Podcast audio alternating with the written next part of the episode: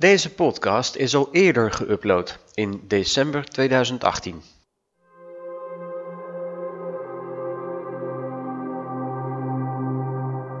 Jij was ook geen naam, maar jij was een nummer.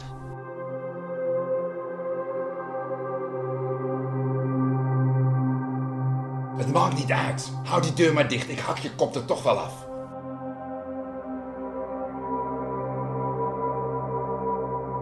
En op jezelf zitten in een cel zo lang, daar word je wel krankzinnig van.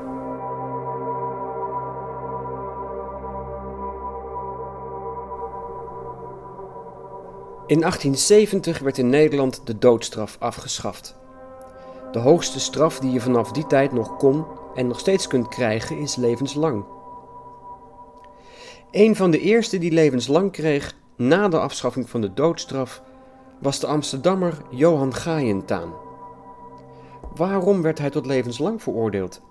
En hoe zag zijn leven er in de gevangenis uit?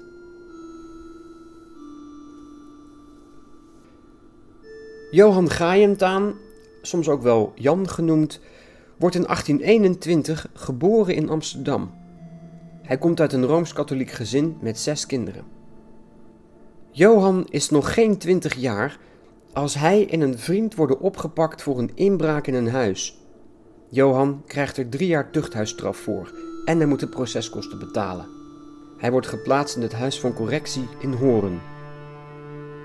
Op een dag breekt er tussen twee mannen een ruzie uit.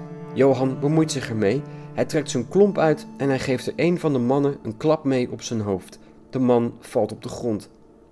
Hij overlijdt nog diezelfde dag. Johan krijgt bovenop de celstraf die hij al heeft een celstraf bij.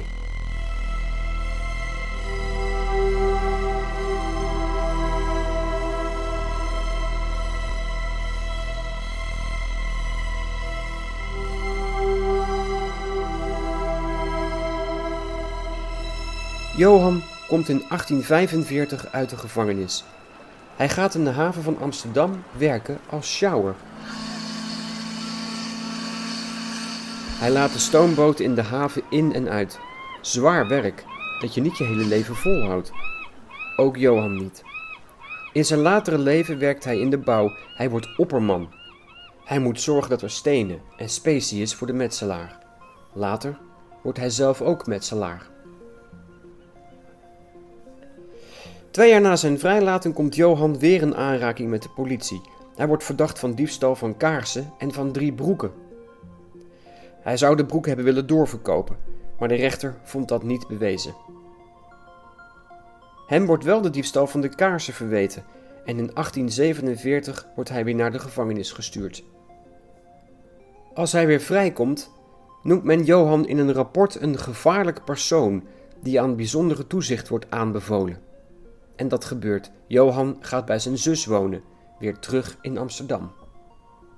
In de jaren erna leert hij de Leidse Johanna kennen. Ze trekken veel met elkaar op. Er gaan zelfs geruchten dat Johan vreemd gaat met Johan of dat ze zelfs in hetzelfde huis wonen. In elk geval trouwen ze niet. Johanna is al een paar jaar getrouwd met Cornelis de Wit. Maar Johan en Johanna blijven niet lang bij elkaar. Johan gaat wonen in het logement De Halve Maan van de familie Schepers in het beruchte Amsterdamse buurtje Duvelshoek. Amsterdam heeft in het midden van de 19e eeuw vele logementen over de hele stad. In elke steeg in de Duvelshoek zitten er wel een paar. Reizende muzikanten, kunstenaars en laaggeschoolde arbeiders wonen en werken er tussen de tapperijen, logementen en bordelen in nauwe steegjes. De criminaliteit is er hoog. Families die er wonen blijven er generaties lang. Johan leert in Duvelshoek Marijtje van der Molen kennen. Ze woont met haar kind in hetzelfde logement als Johan. Maar eind december 1864 gaat het mis. Marijtje wil Johan niet meer zien. Ze loopt het binnenplaatsje op van het logement en als Marijtje weer naar binnen loopt, heeft Johan een mes in zijn hand. Hij steekt Marijtje verschillende keren. Een groepje mensen rent op Marijtje af om haar te helpen. Mannen pakken het mes van Johan af en hij wordt overmeesterd. Als Johan wordt opgepakt toont hij geen berouw. Sterker nog, hij verklaart dat als hij weer vrijkomt, hij Marijtje zal opensnijden als een kabeljauw. Johan krijgt tien jaar tuchthuisstraf voor moedwillige doodslag en hij wordt overgebracht naar de gevangenis Blokhuispoort in Leeuwarden, waar alle lang gestraften van toen werden opgesloten.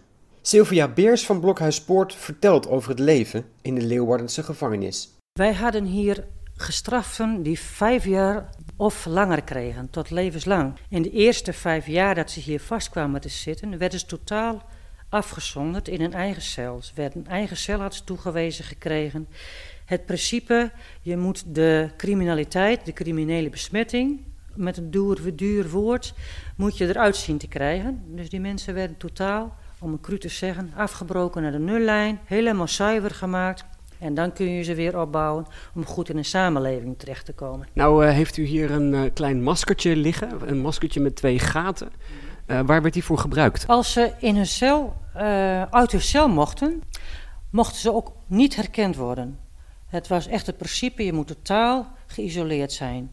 Als ze uit hun cel kwamen, dan werden ze gemaskerd. En dat zijn dus net wat je zegt, twee gaatjes. Kregen ze voor en daarmee vertrokken ze naar uh, bijvoorbeeld dat ze uh, een half uurtje mochten luchten naar de luchtcel. Of ze moesten naar de kerk. Puur uh, niemand zijn. Mocht ook niet gepraat worden. Maar die kap die was dus echt om af te schermen de persoon die erachter zat. Je was ook geen naam, maar je was een nummer. Je had gevangeniskleding aan, niet je eigen kleding. Dus eigenlijk was je totaal onherkenbaar Inmiddels is Cornelis de Wit, de man van Johanna, overleden.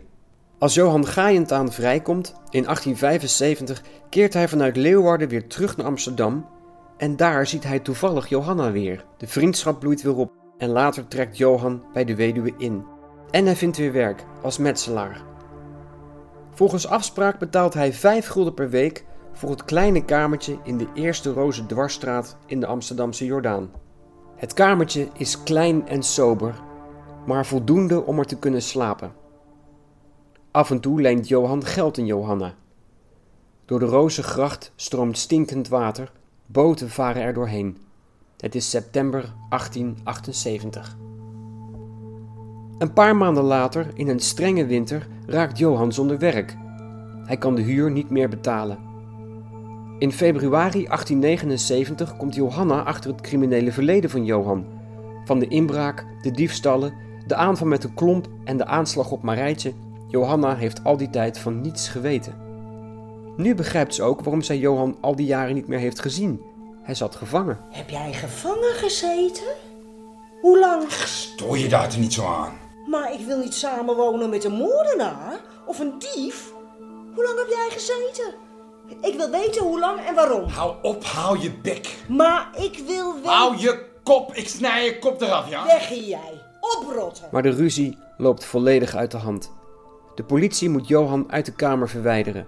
Hij is niet meer welkom in het huis. Maar een week later staat hij weer voor de deur van haar kamertje. Hij komt terug om zijn spullen op te halen en zijn geld. Die poet die jij van mij hebt geleend, dat wil ik terug. Nee, die krijg je niet. Bedenk je wel niet. Dat geld dat heb jij nooit eerlijk verdiend. Dat heb je gestolen, geroofd. Houd je muil daarover, verdomme. Krijg de kaleren vel. Eruit, eruit jij. Wat? Nu. Verdomme, Maar- zal je krijgen? Zal je krijgen, velkring? Johan steekt Johanna twee keer in haar buik en één keer in haar hals. Johanna slaat een ruit in en roept naar buiten. In paniek stormt Johan het huis uit en hij gooit het mes de bevroren rozengracht op. Hij komt aan bij vrienden aan wie hij de aanval op Johanna bekent. Hij neemt een kop koffie en geeft zichzelf aan bij de politie. Hij wordt direct ingerekend. Intussen zijn omstanders en buren op het hulpgeroep afgekomen. Ze proberen het leven van Johanna te redden. Ze vinden haar op een stoel. Haar hoofd is achterover gevallen. Haar breiwerk ligt op de grond. Van onder haar rokken sijpelt bloed. In haar hals zit een diepe snee. Johanna Dupré de Wit overlijdt tien dagen na de ruzie in het ziekenhuis aan haar verwondingen. Johanna werd 58 jaar. De dochter van Johanna en Cornelis staat er nu alleen voor. Ze is pas 17.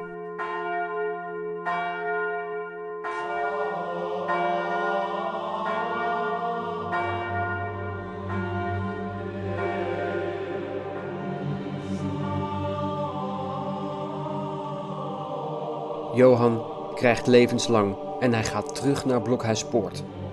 De uitspraak van de rechter haalt het nieuws. De kranten noemen zijn volledige voor- en achternaam. Johan wordt heel even een landelijke bekendheid.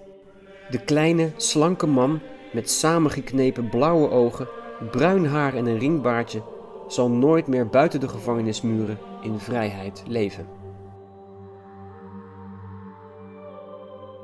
Er was in die periode een heel klein raampje en verder was het echt een hele donkere muur.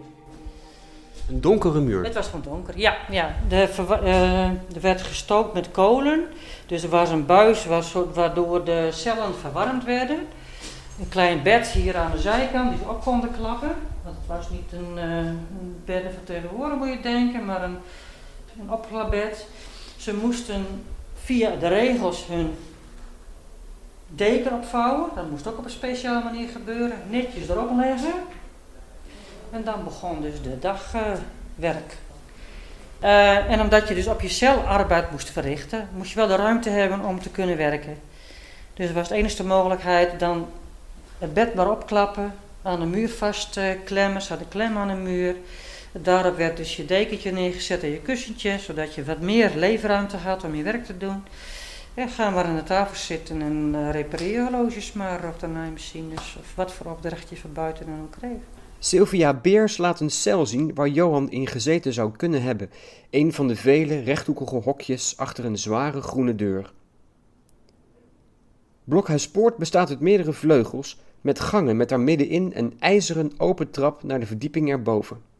En ook daar groene deuren op een rij. Het straalt orde en regelmaat uit.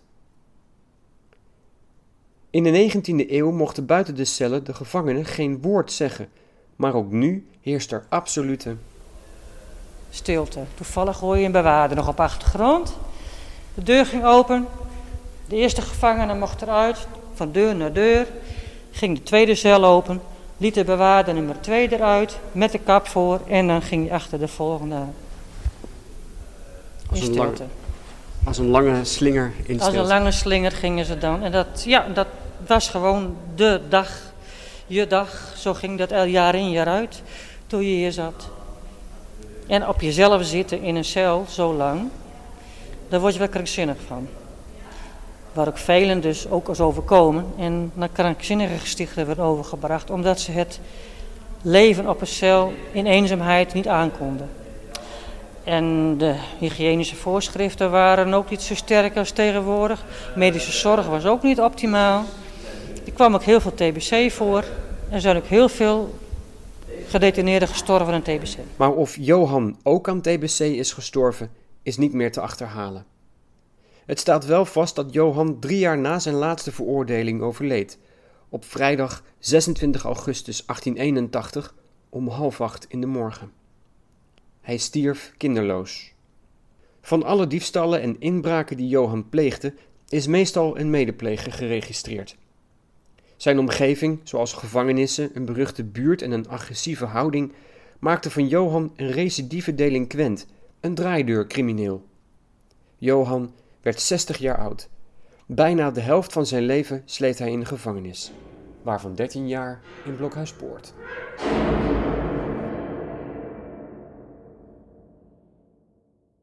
Luister je graag naar deze podcast? Laat de maker weten dat je waardeert wat hij of zij doet en geef een digitale fooi. Dat kan zonder abonnement, snel en simpel via fooiepot.com. Fooiepot met een d.com